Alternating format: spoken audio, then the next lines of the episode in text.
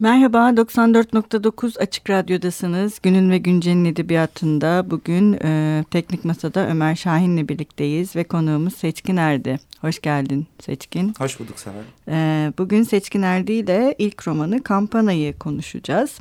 Seçkin Ergin Erdi 1981'de İzmit'te doğdu. 1999'da İstanbul'a yerleşti. İstanbul Üniversitesi İngilizce İktisat bölümünü bitirdi. 2002-2008 seneleri arasında muhtelif yayın evlerinde redaktör, editör ve çevirmen olarak çalıştı. 2012 senesinde İstos yayının kurucu kadrosunda yer aldı ve halen burada editörlük yapmaktadır. Evet Seçkin ben bu aslında kitabın yazılış serüvenini biraz biliyorum. Her ne kadar kitabın ne olduğuna dair konuşmamış olsak da yazılmakta olan bir romandan e, Hayatında haber... yeni bir şey var heyecanından. evet e, haberdar idik. E, kampana oldukça e, aslında... E, personalarla dolu bir roman. Bir kişinin birden çok personası ve zaman zaman personalarının birbiriyle çarpıştığı ve zaman zaman da o kişinin bedeninden çok personalarının sesini duyduğumuz bir roman. Sanırım kampana biraz buna da çağrışım yaptırıyor. Personanın kendisine sadece işte ordudaki bir işarete değil. Ee, neden böyle bir personalarla dolu bu roman? Niye böyle kurguladın? Ya birazcık sanıyorum hareket, hareket noktam şeydi. E, kişinin zihnindeki sesler meselesiydi. Ki hani çok hızlı şu anda finale geçiyor olacağım da. Bir de bütün bu seslerle aslında ne yaptığımız meselesiydi. Yani e, kendi buhranımız içinde o muydu bu muydu sorusundan ziyade bu buhrandan yaptığımız eylemin ne olduğu Hı-hı. ve bunun daha kıymetli olduğu sorusuydu. E, tabii bu kafadaki sesleri ya da dış dünyadaki olaylara dair aldığımız pozisyonlar ve aldığımız pozisyonlar üzerinden kendimizi tekrar sonsuzca yargılamamız hı hı. karmaşasını e, biraz da karikatür bir mekanda Hı-hı. geçirmek gerekiyordu. O yüzden bir kışta da geçen bir hikayeye dönüştü bu. Hı-hı. Yani arada başka Hı-hı. mülakatlarda söyledim. Bu bir okulda da geçebilirdi. Hı-hı. Bu bir akıl hastanesinde de geçebilirdi. Bu herhangi bir e, sınırları belli bir sokak içinde ya da bir aile yapısı içinde de geçebilirdi. Çünkü ihtiyacımız olan bir zor mekanıydı. Hı hı. Yani kişi kişinin e, kendi o billur zihin sarayını zorlayacak. E, orada yeni sorular doğuracak. Yeni sorularla birlikte yeni eylem gereklilikleri ya da eylemsizlikler, patiler ya da apatiler doğuracak bir mekana ihtiyaç vardı. O yüzden bu hikaye bir kışla e, bağlamında işlendi e, çok da yardımcı oldu tabii ki. Çünkü e, bir taraftan gene benim hani yazar zihnimi kurcalayan bir erkeklik meselesi de var evet. tabii. O yüzden Hı -hı. bir erkek mekanında sadece erkeklerden oluşan mekanda geçmesi de çok e, yardımcı oldu pratik olarak. Aslında biraz sahtekarca da bir şey bu. E, tabii. Yani zihnindeki o konuşmalar ve e, sonra kendi sahtekarlığını kendisinin fark ettiğini bize anlatması da çok sahtekarca bir şey. Tabii. Yani o sahtekarlığı örten bir şey değil. Ama tam da vurgulamak için zaten evet, tekrar evet. o sahtekarlığını arıyoruz. Yani e, ya sonrasında çok birazcık daha şey yapınca hani e, kendi metnini dramaturjisini tekrar tekrar yapmak aslında o personeller meselesine Hı -hı. çok benziyor. Yani ben bir şekilde şunu çok normal olduğunu ya da birazcık artık normalize etmemiz gerektiğini düşünüyorum. Burada çok haddimi aşarak da söylüyorum bunu bazen. Ee, çok yanlış anlaşılabilecek çok böyle büyük bir ruh huzuru, büyük bir psikolojik arazsızlık olarak anlaşılabilecek bir şeye doğru gidiyor. Baştan bunun özrünü dileyim o değil niyetim. Ama birazcık hani son dönemde şeyi abarttık mı acaba diye sormadan edemiyorum. Yani tüm depresif hallerimiz, tüm işte karar veremiyorum, yapamıyorum, işte şunu yapmak istiyorum zihnimin bir tarafında bu sesleniyor ama öteki taraftan da şunu yapıyorum hallerimizin e, çok da doğal olduğunu düşünüyorum. Çünkü insan zihni parçalıdır. Çünkü hayat parçalı. Çünkü farklı farklı personaları farklı farklı bağlamlarda taşımaya e, taşımak öğretildi bize.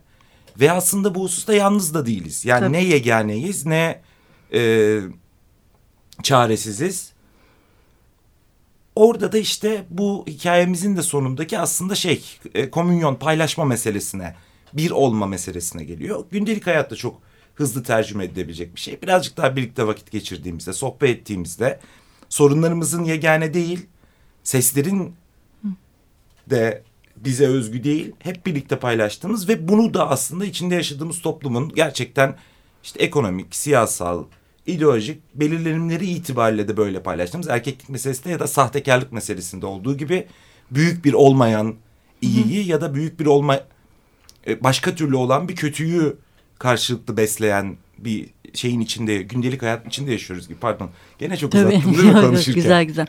Bir de bu e, senin de bahsettiğin gibi kitapta erkeklik ve ses meselesi ikisi de ön plana çıkıyor ve bu e, erkeklerin yani konuş zihinde konuşan sesler aslında belki de tam da bir kışla da bir erkeğin asıl çıkarmak istediği sesleri çıkaramaması sürekli ondan çıkarmaya bek çıkarması beklenen e, ama aslında o zihinde konuşan sesin dışarıya doğru çıkmaması ve sonra da bir işte e, yok olmuş ya da yok olmak üzere olan bir kilisenin çan sesine takıl, takık kalmaları mesela. Çıkamayan bir ses de var ortada bir taraftan. Bütün personeller birleşip neden o çıkamayan sesi çıkarmasınlar mesela? E, zaten oraya geliyor. Hı hı. Yani ve o ses aslında benim eşitliğimde şey eyleme geçme meselesi. Evet. Yani bir sesle e, sembolize edilse bile aslında bir hayata dair eylem yapma. Ki mesela buradaki erkeklik meselesinde çok böyle açık açık bu bir erkek romanı. Tabii, tabii. Bununla tartışıyoruz vesaire yapmak değil. da istemedim. Çünkü bir taraftan da gene haddimi aşarak yani e, güncel edeb edebiyatımızda çok fazla erkek metni var. Okumaya başladık çok ve fazla. bunlar da aslında şey diye ortaya çıkan metinler. Erkeklik sorgulayan metinler Sözde. ama e, yani günün sonunda bir tür başka erkekliğin yeniden e, Türetildiği, ve yeniden üretildiği. üretildiği ve e, dokunulmazlığını kazandığı yani hassas ve bir şey evet. e, gibi bir durum var. Bunu bu değildi asıl oturduğumda yazmaya baş bir hikaye yaratmaya çalıştığımda mesela bunun tam da çok zeminde çok örtük olarak akmasını yani şey anlarında olduğu gibi işte koğuştaki linç anında mesela hı hı. hani tüm iki yüzüyle ortaya çıkması evet gibi anları düşünüyordum. Yani umarım olmuştur. Evet, evet. Onu da okuyucu karar verecek bilmiyorum gayet, yani yoksa. Iyi, gayet. Ee, bir de şöyle bir şey var. Ee, gerçekten kışlayı seçmiş olmak tek başına zaten bir şeyi e, sembolize de ediyor zaten.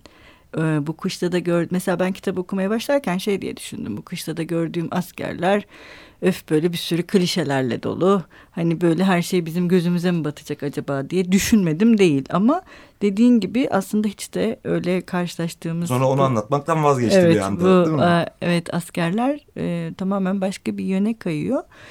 Bu da aslında şeyi de getiriyor beraberinde. O düşünmeyle, e, seslerle birlikte e, başka bir anlatma şeklini bulmak. Yani kışla da başka şekilde yaşamak mümkün olabilir. Öyle değil mi? Ya da başka bir yerde dayatılan bir şeyin dışında yaşamak mümkün olabilir. Yani bu sesler e, duymamıza engel bir şey değil bir taraftan da. Evet işte orada gene ilk baştaki soruya dönüyoruz. Yani bu sesler hep olacaklar ya da belli zor koşullarında belli e, pozisyonlar almamız gerekecek. Ama nihayetinde e, bizim yani roman karakterimizin de sorduğu soru kendi bölünmüş ben değil yani gündüz ve gece beni diye ayrılmış ikilisiyle de sorduğu aynı soru. Yani e, olumlu olduğunu düşündüğümüz pozisyon bile hani evet. hani burada bir başka bir dünya var. Ben bunun içinde biraz kendimi örteceğim ve o sırada da biriktireceğim pozisyonu çok böyle çok ilahi çok e, şey neden ona bir vakanüs pozisyonu yani. Ben bunun tarihini yazacağım pozisyonunun bile aslında ne kadar konforlu ve ne kadar bir işe yaramayan bazen pozisyon olduğu evet. meselesi de devreye giriyor ve orada işte yegane sorumuz ne yap ne yapıyoruz? Evet askerlik. Tüm bu seslerle, tüm bu bize benzeyenlerle ne yapıyoruz? Evet, o anlamda mesela bir erkeğin kışladaki konumu da aslında konforlu bir konum bir taraftan. Tabii ki. Tabii o, ki. Sürekli yani o erkeklik e, duvarlar arasında kuşatılmış ve kendisinden beklenilen bir takım davranışlar var. Nitekim kahramanımız da diyor ki ben hiç sesimi çıkarmayacağım. Yapılması gereken şeylerin hepsini yapacağım. Oldukça korunaklı bir alan bir taraftan. E, tabii yani bir taraftan da şu var. Bir mülakatta e, şey olmuştu. E, bu erkeklerin askerlik anıları dediğimiz şeyin Hı. aslında ne kadar işte Dadaist deney demiştim de çok şey yapılmamış. Yani bütün anıları kes, bir torbaya at, çek. çek yani mekanlar değişsin, isimler değişsin ama, ama aslında çok Aynen. sabit bir örüntü içinde ve bu da bir taraftan tam da bu askerlik mitinin yapmaya çalıştığı şey. Şeydi yani işte bizde ne psikopatlar vardı. Tabii ki olacak. Evet. Çünkü onun içinde o var. Çünkü erkek dünyasının içinde o var. Evet. O orada tam da olmak zorunda. O olmazsa zaten oradaki hikayede bir eksiklik var demek. E, O şefkatli komutan tabii ki olacak. O çektiren işte uzman Olur, tabii olacak. ki olacak. Bu bu şeyin neden ona? Bu dünyanın olmazsa olmazı zaten E, tabii bunlar. ki yani amentüsü üstü zaten o, o, o öyle olacak yani. Çok basit bir gerçekten işte polisiye yazmak gibi. Evet. Hani o dört sacak olacak, şüphe Yani, olacak, Evet. e, Kışta da olacak vesaire vesaire. kıştadaki yaşamda da belirli figürler olacak. yani. Tabii ki. Ee, şimdi bir ara verelim istersen. Tamam. Ne çalalım Ee, kitaptan? kitabın finalinden çalalım yani istersek eğer bir Tamam. Sabahat Akkiraz Tevhid. Peki. Peki.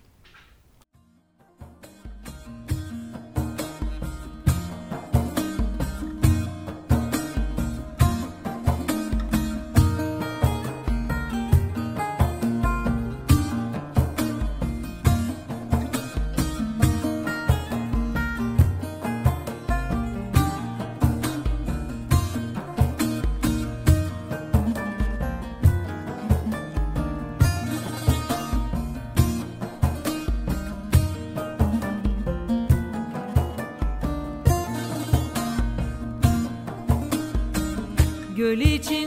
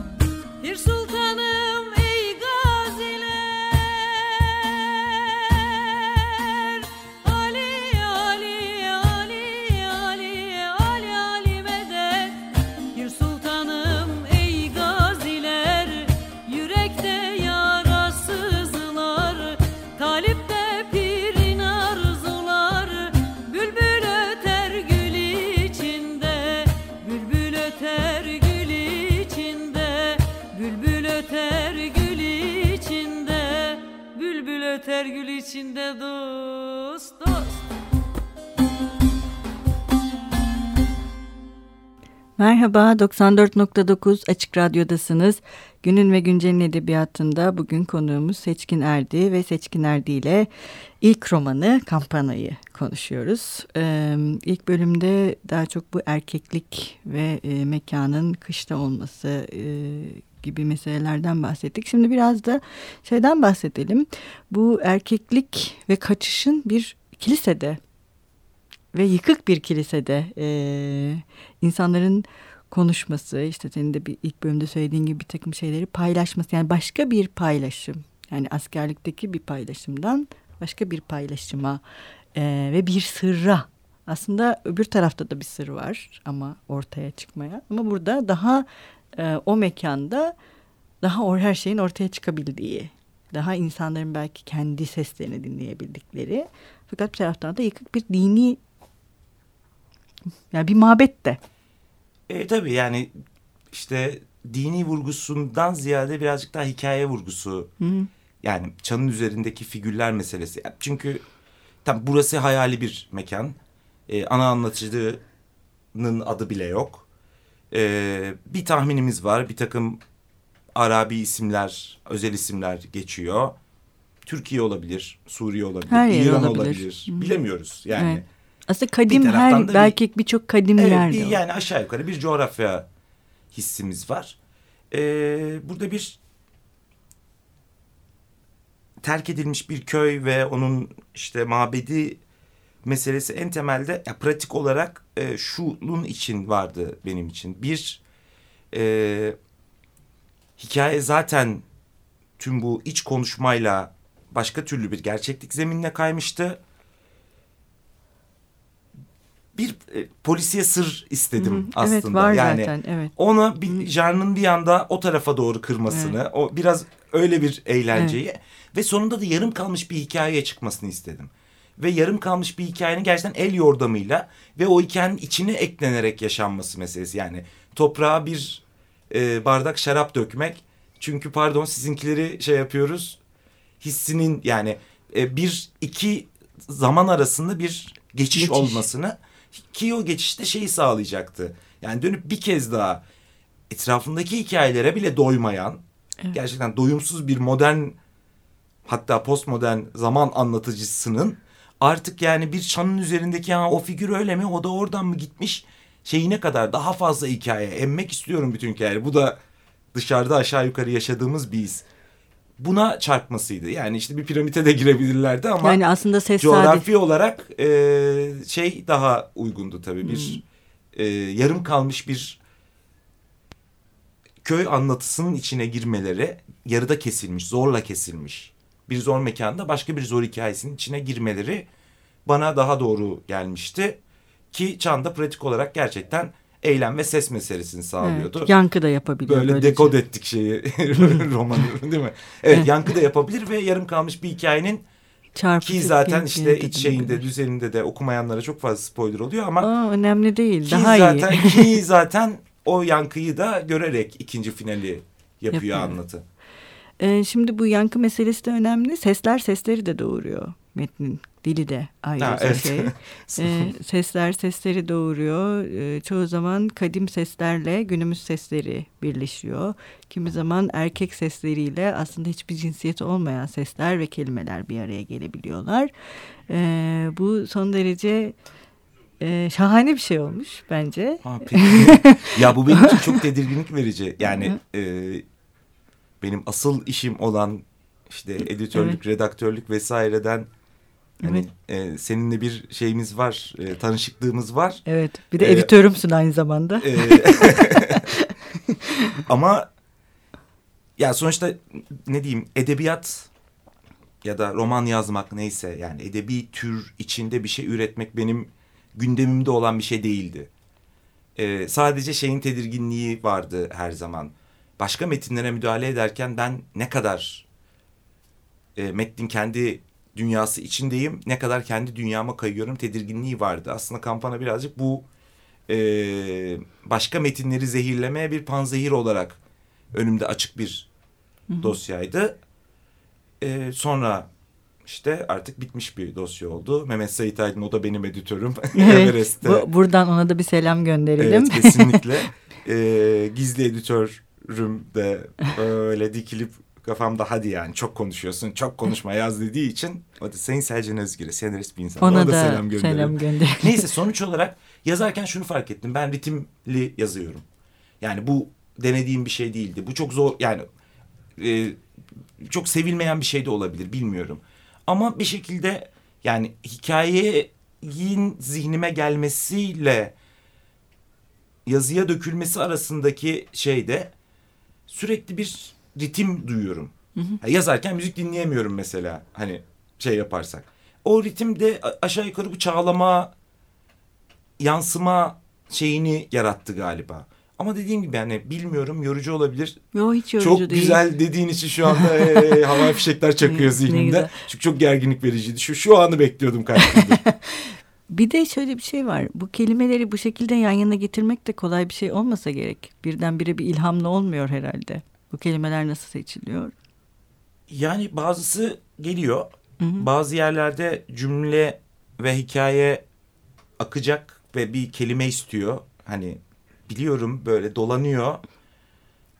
Biraz böyle durup bir dolam şey yapmak gerekiyor. Hani şu kitaba bir elime atayım. Şu sözlüğe bakayım. Evet. ba- bayağı çünkü şey sözlükleri Yani ya şeyleri falan çok tuhaf oluyor işte. İçtimai sakineyn mesela. Yani ortada bir içtima var askersin ve sakin durman gerekiyor ama bir taraftan da bu bir dil bilgisi kalıbı yani. Evet. Bir anda o geliyor. Bir de kelimeler de öyle şeyler ya hani sadece hani duyduğumuz ama belki de hayatta karşılığını hiç düşünmediğimiz şeyler. Aynen öyle ve o çok keyifli bir oyun. Yani gerçekten onu oynamayı bile şey yapıyorum. Hani, Hani, Hı hı. kubbe altına takılıp aa bu buymuş, bu buradan gelmiş, bu buradan gelmiş, bu buradan gelmiş diye böyle etimoloji şeyleri e, dakikaları çok keyifli İşte benim o için. kök imgeler tam. Aslında onların hepsi birer imge. Tabii. Yani o kelimelerin hani şey gibi kelime ve sözcük demek arasındaki ilişki gibi. Hani sözcük çok daha başka bir şey ama kelime gerçekten çok imge yüklü bir şey. Ama ikisi de farklı zamanlarda, Evet. farklı anlatılar içinde kendilerini çağırıyorlar. Evet. Ya ben yazarken öyleydi. Yani şey diyorsun ya çok eski, çok yeni ke- kelimeler. Yani gerçekten o bir tanesi yani sözcük bazen çağırıyor kendini. Çünkü Heh, işte sözcük ve bazen sözcük çağırıyor. sözcük çağırıyor çünkü sözle ilgili bir şey var. Yani Evet. Bazen kelime çağırıyor çünkü başka bir şey oluyor. Çünkü imgeyle daha yüklü bir şeyle geliyor. Aynen öyle. Yani orada bir başka bir şey var yani. Belki bir bir kelam muhabbeti dönüyor. Bir kalem Ya, muhabbeti evet. dönüyor. Bilmiyorsun onu yani. Hikayenin ne istediğini ki işte dediğim gibi ben de hep İşte kalem şey ve yaparak kelam. işliyor yani. Ha üç sesi yani KLM seslerini duyuyorum. Sesli harfleri duyuyorum. O kendi kendine hikaye oluşturuyor bazen. Hani Oluşturur da evet. o sözcüklerin birbiriyle hiç şeyleri olmasa yani işte kelile ve dinme de geliyor aklıma mesela işte- anladın mı? Bu E, şeyi ama, e, düşünürken o Evet ama bu önemli çünkü hani kelime ve sözcüğün birbirini çağırması aynı zamanda imge ve sesin birbirini çağırması ve bu ikisini bir arada Evet aşağı düşünmek yukarı bu da benim gerçekten şeyim hani o, o oluyor yani yazar. O, oluyormuş bu arada hani ben daha evet ama tazecik bir şeyim geç bir yazarım bilmiyorum. Bunların şeyi bunları ben söylemeyeceğim. Bunları yani söyleyemem ben. Ukalalık olur. Yok estağfurullah hiç de öyle düşünmeyelim. Ee, evet bugün e, 94.9 Açık Radyo'da Günün ve Güncel'in edebiyatında Seçkin Erdi ile ilk romanı Kampana'yı konuştuk. Ee, daha nicelerini konuşuruz diye ümit ediyoruz. Ben de ediyorum. Ee, Keyifli işmiş. Ve bu e, kelime ve sözcüklerin bir araya geldiği bir bölümle bitirirsek programı da bize bir bölüm okursan çok seviniriz. Öyle Peki. bitirelim. E, o zaman şey e, bu benlerin ayrıldığı sahneye bir şey yapalım. Yani Dönelim. romanın biraz kırılma anlarından biri. Orada bitireyim diyorsun. O, çok bakalım, çok bakalım. teşekkür ederiz Seçkin. Ben teşekkür ederim. Hoş- Sağ olun Açık Radyo'ya çalışanlarına ve Sayın Seval Şahin'e bizi burada ağırladıkları için. Ne demek zevkti. Hoşçakalın. Görüşmek üzere. Sonra elbette pişmanlık içime çapa atacaktı. Onun gezdiği umanlar keşfedilmemiş, haritaya işlenmemiş, tuzluluk oranları hesaplanamamıştır.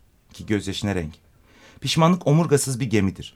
Atlasvari dalgalar karşısında küçük bir sandal olur da bazen. Bazen lisanı Yunan'da yağ gibi dedikleri süt liman bir denizde biri yalandan dört bacılı bir deve dönüşür ve yine tüm o sakinlikte görkemiyle içine batmayı becerebilir. Suları yaran burnu asla unutulmayacağını düşündüğüm beyazlığı köpürtse de mavi yeşilin üzerinde, bir anlık dalgınlığın akabinde bu mucizenin elinden hiçbir iz kalmamıştır ondan geriye. Motorlu pervanelerle üzerine üzerine gelir kalbinin.